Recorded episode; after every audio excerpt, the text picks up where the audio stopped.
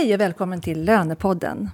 I det här avsnittet ska vi få höra om en spännande och genomgripande förändringsresa på Ambeas löneavdelning. För några år sedan såg det nämligen väldigt mörkt ut. Men man har lyckats vända skutan och nu är det vind i seglen.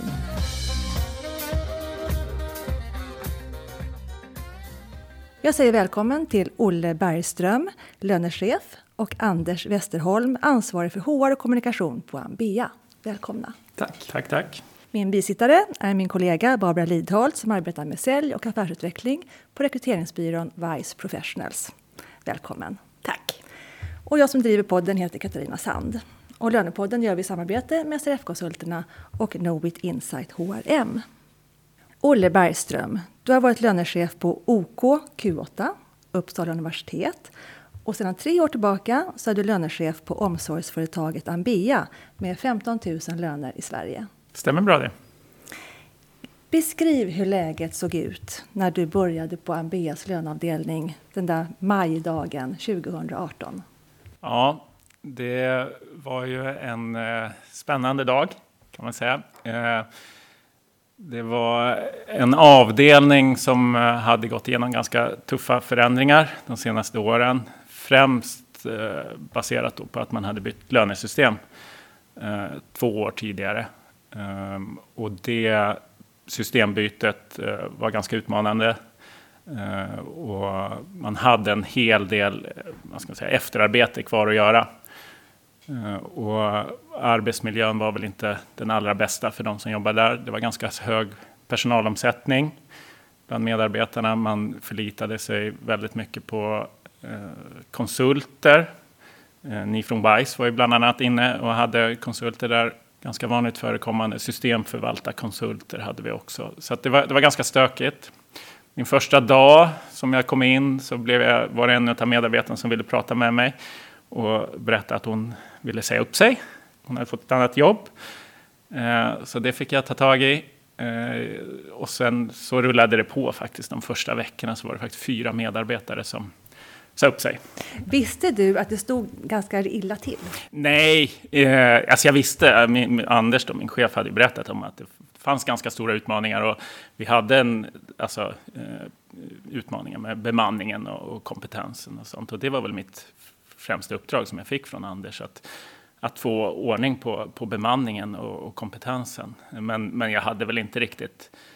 Jag ville väl kanske inte riktigt sätta mig in i för jag ville väl ha en ganska tuff utmaning. Eh, så, så det var väl kanske tur att jag inte riktigt visste eh, hur, hur det var ställt. Mm. Hur många var ni på löneavdelningen då?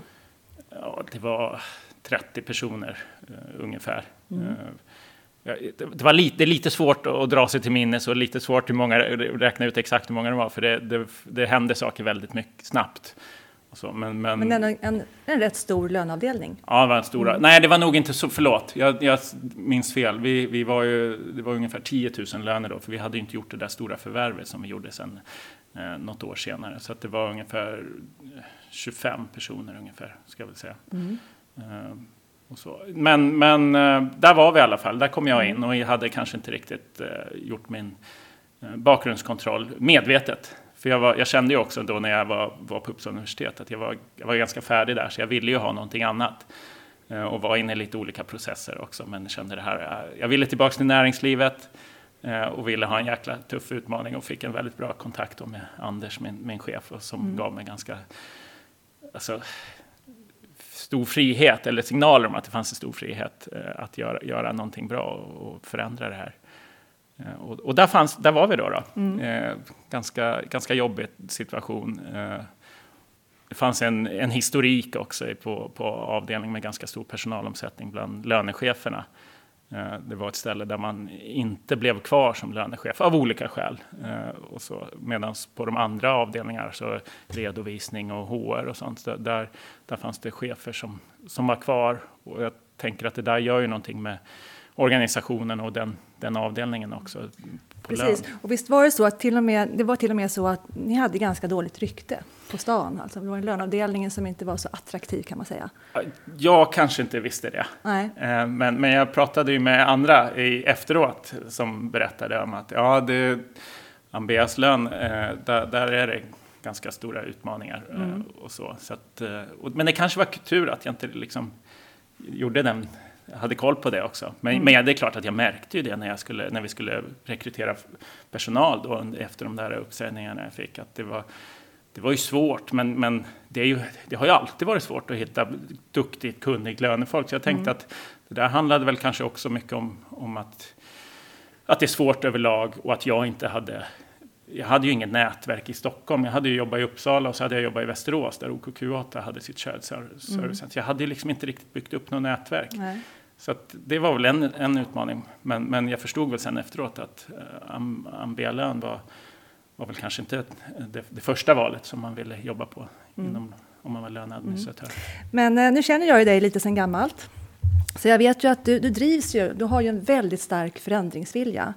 Eh, för det råkar ju vara så att jag, jag eh, delade ut Stora lönepriset till dig 2011 för ditt stora engagemang och din stolthet i löneyrket. Du fick det när du var lönechef på det här Shared Services, Aritma Shared Services som, var då, som gjorde OKQ8s löner.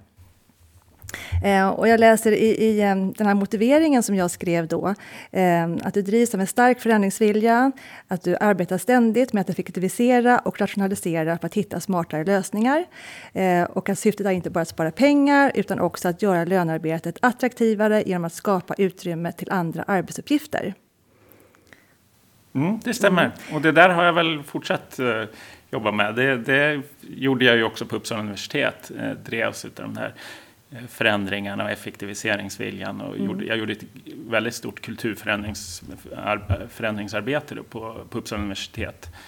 Och det var väl också kanske på de, de meriterna som Anders eh, då gick vidare med mig i, i processen där jag, mm. där jag hamnat. Så det är klart, det är, det är det här jag brinner för. Jag, jag älskar ju att hitta nya sätt att jobba och det, det märker ju också min chef då att jag petar ju massa saker som kanske inte alltid har med löne, löneområdet också, där jag ser att vill, vill göra massa saker. Eh, Anders Westerholm, mm. du är då HR eh, och kommunikationsansvarig på ja. Ambea. Och då, där har du varit sedan 2005, i 15 år. Eh, ja, nej det har jag inte. Jag har varit där sedan 2015 i Ambea. Okej. Okay. Jag kom in, ja, in, på ett sätt har jag varit det, för jag kom in via ett förvärv då, som ja. hette Solhaga. Jag läste det på din LinkedIn. Okej, okay. ja, sorry jag är dålig på den. Ja. Olle brukar hjälpa mig. Okej, okay. ja. Nej men hur som helst, ehm, det var du som rekryterade Olle ja. till lönechefsjobbet för tre år sedan. Ehm, kan du beskriva utifrån din synvinkel hur läget var då? Ja, absolut. Ehm, jag hade väl själv då tagit över HR-ansvaret, eh, kan ha varit ett halvår tidigare eller någonting, eh, där löneavdelning då ingick i, i, som en del av HR-organisationen. Och, och, mitt uppdrag var nog primärt inte att liksom nu, nu, eh, nu ser vi till att liksom få ordning på löneavdelningen, utan det handlade väldigt mycket om att vi, ja, men vi är i en bransch som står inför stora demografiska utmaningar med att kompetensförsörja mitt uppdrag handlade nog mer om HR-området så att säga, mer klassiskt så att säga utifrån att, att titta på hur ska vi liksom bygga vår långsiktiga kompetensförsörjning och behålla och attrahera. Det var lite grann som att löneavdelning betraktades nästan som någon sorts liksom, eh, ja det är lite stökigt där men det, det, det, det får du nog ordning på. Liksom. Och det, det, tycker jag också var ganska intressant liksom, nu när jag tänker tillbaks på det. Att just den synen också på löneavdelningen. Jag tror, för jag tror det var det som också väldigt mycket präglade liksom, situationen, hur den var. Innan vi flyttade, nu har vi kontor i, um, i Solna, men tidigare det så satt vi i Sundbyberg och hade då, ja, i takt med att bolaget hade vuxit så hade vi förvärvat verksamheter då, eh, som, som gjorde att vi blev många fler på kontoret. Och, eh, och då blev det liksom, av någon anledning blev det så att då var några tvungna att flytta till ett annat våningsplan och det blev löneavdelningen. Och det var liksom en låst avdelning så det var i, eh, jag kom inte in där även om jag liksom var, satt, i, satt i koncernledningen då. Ehm, och, och, det var, det var liksom ganska intressant för vad som händer, händer då när det sitter en avdelning liksom in, mer eller mindre inlåsta på våning tre. Det skapas ju en subkultur i det. Och, och liksom just det tror jag liksom också präglade lite gruppen. Det var min bild egentligen. Att, att, eh, att man hade inte, man sågs inte riktigt för det värdet man egentligen liksom skapade. För mer och mer, mer började jag inse att ja, men i en väldigt personalintensiv verksamhet som vi är med då jag runt liksom 9-10 000 löner månadsvis då. Så är det klart att löneavdelningen har ju en oerhört central funktion. Alltså mycket mer än bara för det som man liksom ser i löneutbetalningen. Och, och, det var väl där någonstans jag också började titta på, för jag förstod att det, det hade varit, det var ett systembyte, men det var också den här synen på löneavdelningen. De hade haft flera chefer. Jag tycker nog i sig så var väldigt många av de som var på löneavdelningen väldigt, liksom, gjorde verkligen sitt bästa och liksom var, det var liksom inget fel på dem som personer. Men, men eh, någonstans så var det liksom en kultur också att någon måste någonstans komma och berätta för oss vad vi ska göra varje dag. Liksom. Eh, och när jag liksom började se den här liksom potentialen också, som Olle nog har hjälpt mig väldigt mycket att liksom ytterligare se, så, så behövde jag ju också hitta någon som hade en som kunde lön för det första, vilket inte jag kunde, det tror jag är väldigt viktigt också att säga. Ehm, och, och, någon som faktiskt hade en vision för löneavdelningen som var större än att bara få det att funka. Liksom. Alltså, för mer och mer så har jag ju liksom insett under åren hur så otroligt mycket som vi gör i form av liksom digitalisering och förbättringar och effektivisering ute i verksamheten på ett eller annat sätt berör löneavdelningen. Men som det var då så kom löneavdelningen alltid efter. Mm. Alltså även när vi bytte lönesystem så kändes det som att löneavdelningen kom efter. Mm. Eller när vi för den delen, det var väl precis när du hade kommit in och vi gjorde ett bankbyte. Ja, det, bankbytet skedde månaden innan jag, jag började. Exakt. Och det, det var också en sån här eh, del som, där lönefunktionen inte riktigt var med och, och var en part i vad vi behövde tänka på eh, för att alla kontonumren skulle uppdateras och sådana saker som resulterade i 1500 bankutbetalningsavier eh, som man inte riktigt tänkte på. Som blev en las ovanpå allting där som var. Det i kombination med att vi då hade påbörjat en resa från kundansvar till mer serviceorganisationer strax innan Olle kom in. Och, och eh, gjorde ju att det var, ja, det var liksom ganska kaotiskt. Men, ja, men den, den, liksom, den känslan av att, att hela tiden liksom komma, i, komma steget efter. Mm. Det är väl Så det nu har ni, ni har byggt broar mellan lön och HR ja. Eh, och ni har öppnat dörren då till löneavdelningen. Så nu är ni liksom införlivade i huset. Ja, det lät ju bra. Ja. Öppnat dörren. Ja. Ja. Nu har vi ju flyttat naturligtvis till ett nytt, till, till en nya, till det öppna kontorslandskap. Men vi, vi är liksom en, en del utav hela, hela stabsfunktionerna kan man säga. Mm. Och, och, det vi har jobbat, eller jag har jobbat väldigt aktivt med, det är ju med det här samverkansforum med andra funktioner. För vi är ju liksom en, i många delar en nyckelfunktion. Vi får ju reda på saker och ting eh, ofta väldigt tidigt eh, från alltså, våra personer, medarbetarna som hör av sig, eller chefer. Mm. Så. Så, att, så att vi har ju jobbat väldigt mycket med att ha samverkan med redovisning och IT och controller och sådana saker som, som också är, Uh, kunde jobbas, alltså som behövde jobbas mycket, mycket mm. attraktivt. För det här är spännande nu, för idag är ni ju, har ni ju kommit till att vara en attraktiv löneavdelning. Ni har ju verkligen vänt skutan och nu har ni vind i seglen som jag inledde med. Men då är det ju väldigt spännande att få höra då mer konkret vad du började med. Vad var det du såg där? Vad var det liksom det första du tog, du tog tag i där för tre år sedan för att vända den här skutan? Ja, det handlar ju om att liksom bryta ner i, i, små delar. Och det var ju liksom så här, ja, vi hade, vi hade ett system som inte riktigt lirade som vi, vi hade förväntat oss eller som vi, som vi ville. Och vi hade en ganska akut bemanningssituation i löne, löneleveranserna, då, i lönesupporten. Och jag, det jag fick fokusera på först var ju att, att se till att vi klarade bemanning in, inom lön. Alltså att klara, få iväg våra löner. Och sen att systemet inte alltid funkade som det skulle, det fick jag liksom ta sen. Så att det var liksom kompetensförsörjning och bemanning in, inom lön som var det absolut viktigaste. Eh, och det tog väl kanske eh, ett år innan jag kände att jag hade näsan ovanför ytan. Och sen så fick man då börja jobba med de här system systemproblemen som man hade, som vi hade ärvt då, så att säga, och, och jobba att ja, få till den. Och det var ju mycket, väldigt nära dialog med leverantören. Och jag, det, via HR plus version 8 då. Det kan kanske är intressant att höra också. Mm. Uh, och, så. och kompetensförsörjaren på systemsidan. Vi, jag är benchmark, alltså efter två år kanske benchmarkar liksom hur stora systemavdelningar har de andra lönefunktionerna i Stockholmsområdet som har motsvarande system och så titta på det. Okej, okay, vi kanske är lite felbemannade, vi kanske har, vi har medvind som försystem som funkar, funkar jättebra som vi hade haft i jättemånga år och kan vi fördela om lite och sådana saker. Det jobb, jobbade väldigt aktivt med det. Men, men kompetensförsörjning inom lönefunktionen Eh, liksom, hur ska vi få folk att vilja jobba hos oss? Ja, och det var ju också, hur ska jag hitta folk överhuvudtaget? Och det var ju då jag bestämde mig för att jag måste jobba långsiktigt med, med praktikantspåret. Då, så att säga. För det, det lyfter ju oss också. För de är ju väldigt, ska man säga, vetgiriga och vill Och där veta. menar du ta emot studerande på LIA, Ja, lärande i arbete från Ja, LIA, LIA praktikant. Och jag var ju med, när jag jobbade på OKQ8 så var jag med och startade upp en, en, en YH-utbildning i, i Västerås. Så jag var, där satt jag i en ledningsgrupp också. Jag var väldigt djupt involverad i det. Så jag visste ju hur den processen gick till. Eh, och vi tog emot praktikanter på OKQ8. När jag kom till Uppsala universitet så gjorde jag samma sak och tog in praktikanter. För, vilket normalt, eller där i alla fall, var man inte van vid att ta in praktikanter. Och så var det också på AMB också. Det var, fanns ett ganska stort motstånd. Det, det, det kostar så mycket, det kräver så mycket av oss så att det är liksom inte riktigt värt det. Och där fick jag ju sätta ner foten i, i princip och säga att nu, det här ska vi göra. Eh, för man hade inte haft en praktikant, man hade haft en praktikant för åtta år sedan typ.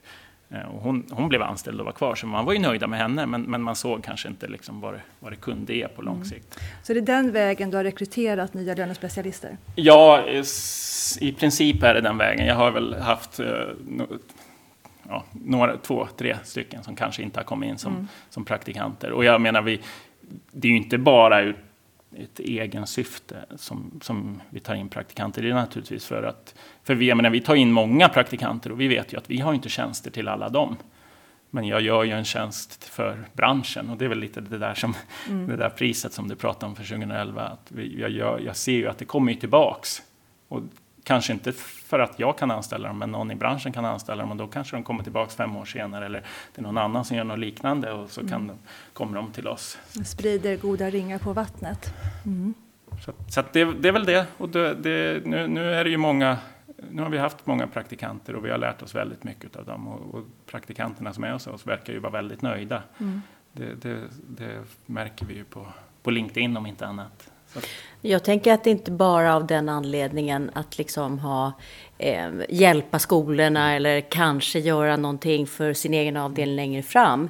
Men också den här kompetensväxlingen som sker när det kommer in en junior som precis har kommit från skolan och jobbar tillsammans med de som är äldre, som är mentorer. Att det är där det finns så mycket vinning. Och det är det vi måste trycka på ännu mer i branschen egentligen. Att det är vinning för alla, det är win-win. Ja, och att, att de här profilerna som kommer in då, som är, som är praktikanter, kanske har någonting annat med sig och kan lära upp de här. För jag har ju fokuserat... Vi, har, vi var ju, alltså som Anders sa, det var, de gjorde ju ett väldigt bra jobb varje individ när jag, kom, när jag kom in, utifrån de förutsättningar de hade. Men vi kanske saknade några egenskaper som vi behövde, så som rollen ser ut idag. Jag fokuserar väldigt mycket på det här med service. Eh, alla som har jobbat på hotell och i butiker och restauranger och receptioner och sådana saker, de har ju med sig någonting, de- alltså de har ju marinerats i service. Och det är ju det som jag tycker är så himla viktigt, att vi, vi är ju en servicefunktion. Vi finns till för att göra världen lättare för våra chefer där ute. Sätta kunden i fokus. Ja, för de, de, våra chef, verksamhetschefer har en väldigt tuff situation. Så om vi kan hjälpa dem med att ge lite extra, ge dem lite mer eh, stöd i det administrativa så att de kan fokusera på sin verksamhet eh, mer, frigöra tid. Då, då har vi vunnit Bidra med affärsnytta. För jag menar, ja, absolut. Och vår, vår, ett av vår, vår vision är ju att vi ska göra världen lite bättre eh, en människa i taget. Och det är ju det här vi kan bidra med på, i vår lönefunktion. Vi gör det enklare för våra chefer så att de kan göra det enklare sen där ute och hinna med sitt jobb och hinna med hela den här välfärdsutmaningen som Anders är, är liksom väl insatt i hur vi ska klara vår omsorg eh, framöver med ökande åldersgrupper och kanske mindre bemanning på sikt. Men det där är väl härligt att man kan se alltså, företagets vision, att man kan koppla till den från en löneavdelning. Det är ju faktiskt... Whyet blir väldigt whyet tydligt. blir väldigt stort och tydligt. Älskar det. Så att jag Ja. menar, så att det är inte frågan hur jag gör det, frågan är varför jag gör det. Ja, exakt. jag, har gjort, jag har gjort det för att vi behövde, Ja. för att vi ska finnas till och göra, göra det enklare där ute. Och då måste vi fokusera på, på service och, och frigöra tid. Och så måste man ha rätt personer med rätt, rätt egenskaper. Det, det här transaktionsarbetet eh, arbetet har ju, det vet vi det, det är ju på väg bort. Eh, Men jag är också mer nyfiken på ert samarbete, för jag vet ju att du har varit av stor uppbackning av Anders. Och det kanske inte hade gått så lätt om du inte hade haft det. Eller vad tror du? Nej, det är Nej. naturligtvis. Anders har varit min, min största, största mentor Ja. och min kanske också, nej inte motståndare, men han, han har ju verkligen väglett mig i det här och trott på mig hela, hela tiden. Eh, och liksom haft tålamod. För det här var ju ingen quick fix. och det, var, det, var, det var ganska tufft för mig efter något år eh, där och se hur jag skulle klara det. Men, men eh, Anders hjälp, har hjälpt mig hela vägen. Vad var det som hände då när det var så där jättetufft och hur kom du över det? Alltså rent konkret så var det nog, Ambea förvärvade Aleris. Eh, så att jag fick kanske något annat att fokusera på än att gå där och, och tycka synd om mig själv och älta. Var det, var det 5 000 löner? Det var 5 000 löner, ja. eller det var 4 500 löner i slutändan tror jag. Eh, som, som man köpte eh, Aleris omsorgsverksamhet. Då, då. Eh, och så skulle vi tar över all, alltså alla verksamheter och sådana saker. Och så var det då en eh, transaktionsövertagande då, så att säga, med 4 500 anställda som skulle läsas in i vårt system. Hur ska det gå till? Hur gör vi med deras kontonummer och alla de där grejerna? Det var ett gigantiskt eh, transaktionsprojekt. Eh, och då fick jag kanske lite annat att tänka på. Det blev lite boost. Vi fick kanske också lite mer resurser eh, i, i det här projektet som vi kunde använda i vårt effektivisering som gav effekter på vårt, det vanliga arbetet. Om jag ska säga. Så det, för det var väldigt mycket fokus på det här. Och då, då fick vi också kanske extra mycket stöd kring systemutvecklingsarbetet också. Så att det, det där svetsade väl ihop oss också tror jag. Hade inte det där kommit då, då, då, då vet jag kanske inte vad som hade blivit. Men, men det kom. Men ljus betyder ju också någonstans att det här är viktigt, eller hur? Så någonstans måste ju både ni och hela löneavdelningen verkligen ha känt sig som extremt viktiga. Det måste ju ha varit en stor del av det. Jo, men det, det var det. Mm.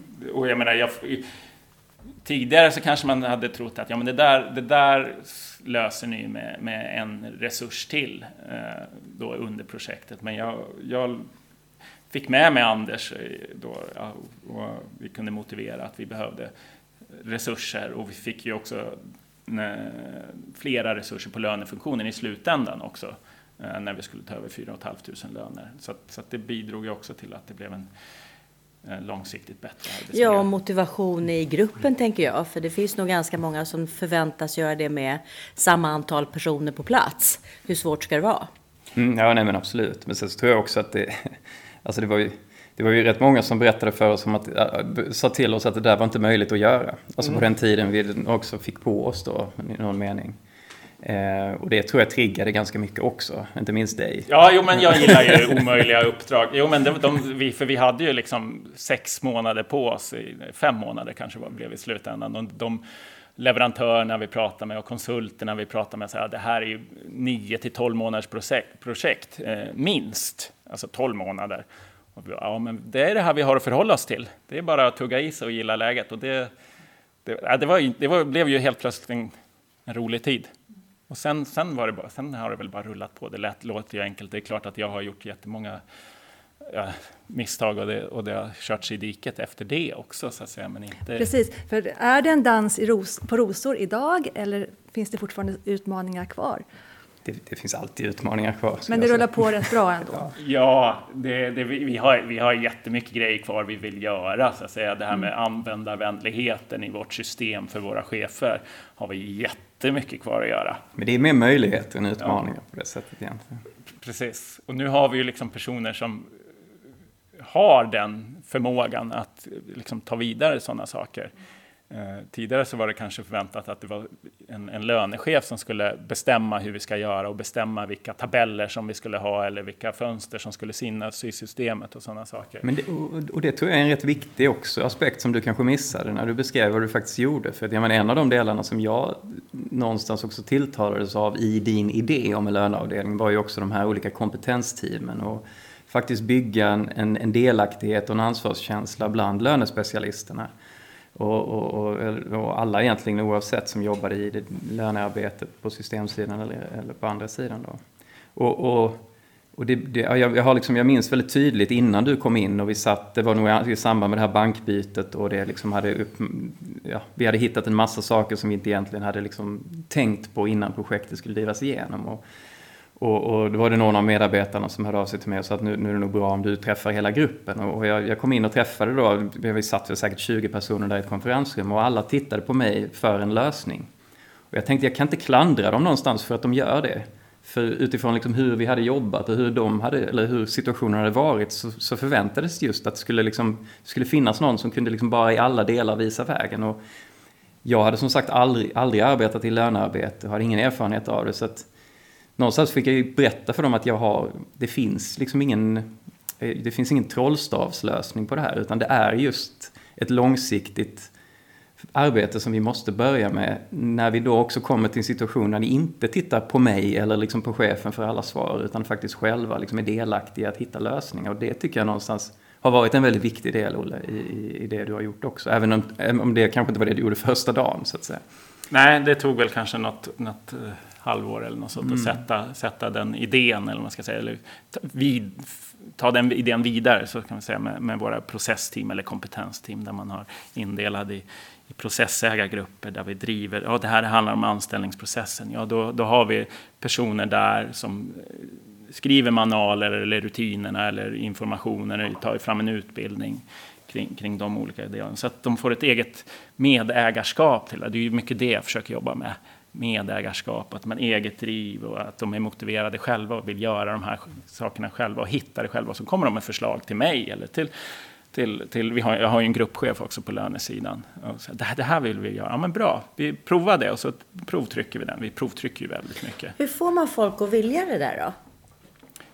För det är ju precis dit alla vill på ett eller annat sätt. Ja, det är ju naturligtvis det är patentlösningen. Och hur får man alla... Det, det, det är ju att få dem att alltså, skapa förutsättningar att, man, att det är okej okay att våga, att det är okej okay att göra fel, okej okay att testa. Det är Så det. mod? Ja, mycket en mod. muskel som man måste öva. Mycket mod och mm. e eget driv. Mm.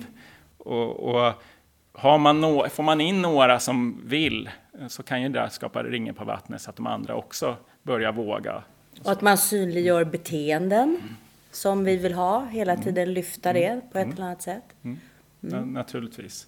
Och det, det, det, det, men det finns ju liksom ingen enkel trollstavslösning som Anders säger. Det är liksom långsiktigt att jobba med de här egenskaperna, lyfta fram de här egenskaperna och kanske rekrytera de som har de här egenskaperna också. Eh, så, som har det här drivet. Och sen kan ju inte alla vara eh, de här som springer längst fram. Eh, man måste ju ha en bra mix och det är väl det som är, jag tror att vi har lyckats få till ganska bra nu. Hur många är ni idag på löneavdelningen? Vi är 26 stycken med mig. Mm. Eh, och då är, jag, då är vi 17 stycken lönehandläggare. Eh, de har lite olika titlar. Vi har fem stycken systemförvaltare. Jag har en verksamhetsutvecklare som eh, kommer från lönesidan men som jobbar i våra... Vi har ju ganska stora mer eller mindre stora projekt som vi håller på utvecklingsprojekt. Jag har en pensionsstrateg och så en gruppchef och så är det jag då. Och sen är det ju faktiskt uppdelat så. Vi, vi, det här, och det här hade jag inte heller koll på när jag kom till MBA. Vi är 72 bolag. Det var väl inte då, då kanske vi var 60 bolag. Så att det är ju en, alltså det är, det är en komplicerad eh, massa att hantera. För vi har ju personer som är anställda i flera bolag parallellt. På, kanske på en anställning på 60 procent, så jobbar de extra på 20 procent i ett annat bolag och så jobbar de på timme på ett, i tredje bolag. Och det här skapar ju eh, en svår Eh, löneadministration att hantera. Och så har vi också den här vi köper eller förvärvar bolag och vi tar över entreprenadövertagande som det heter då också från kommuner.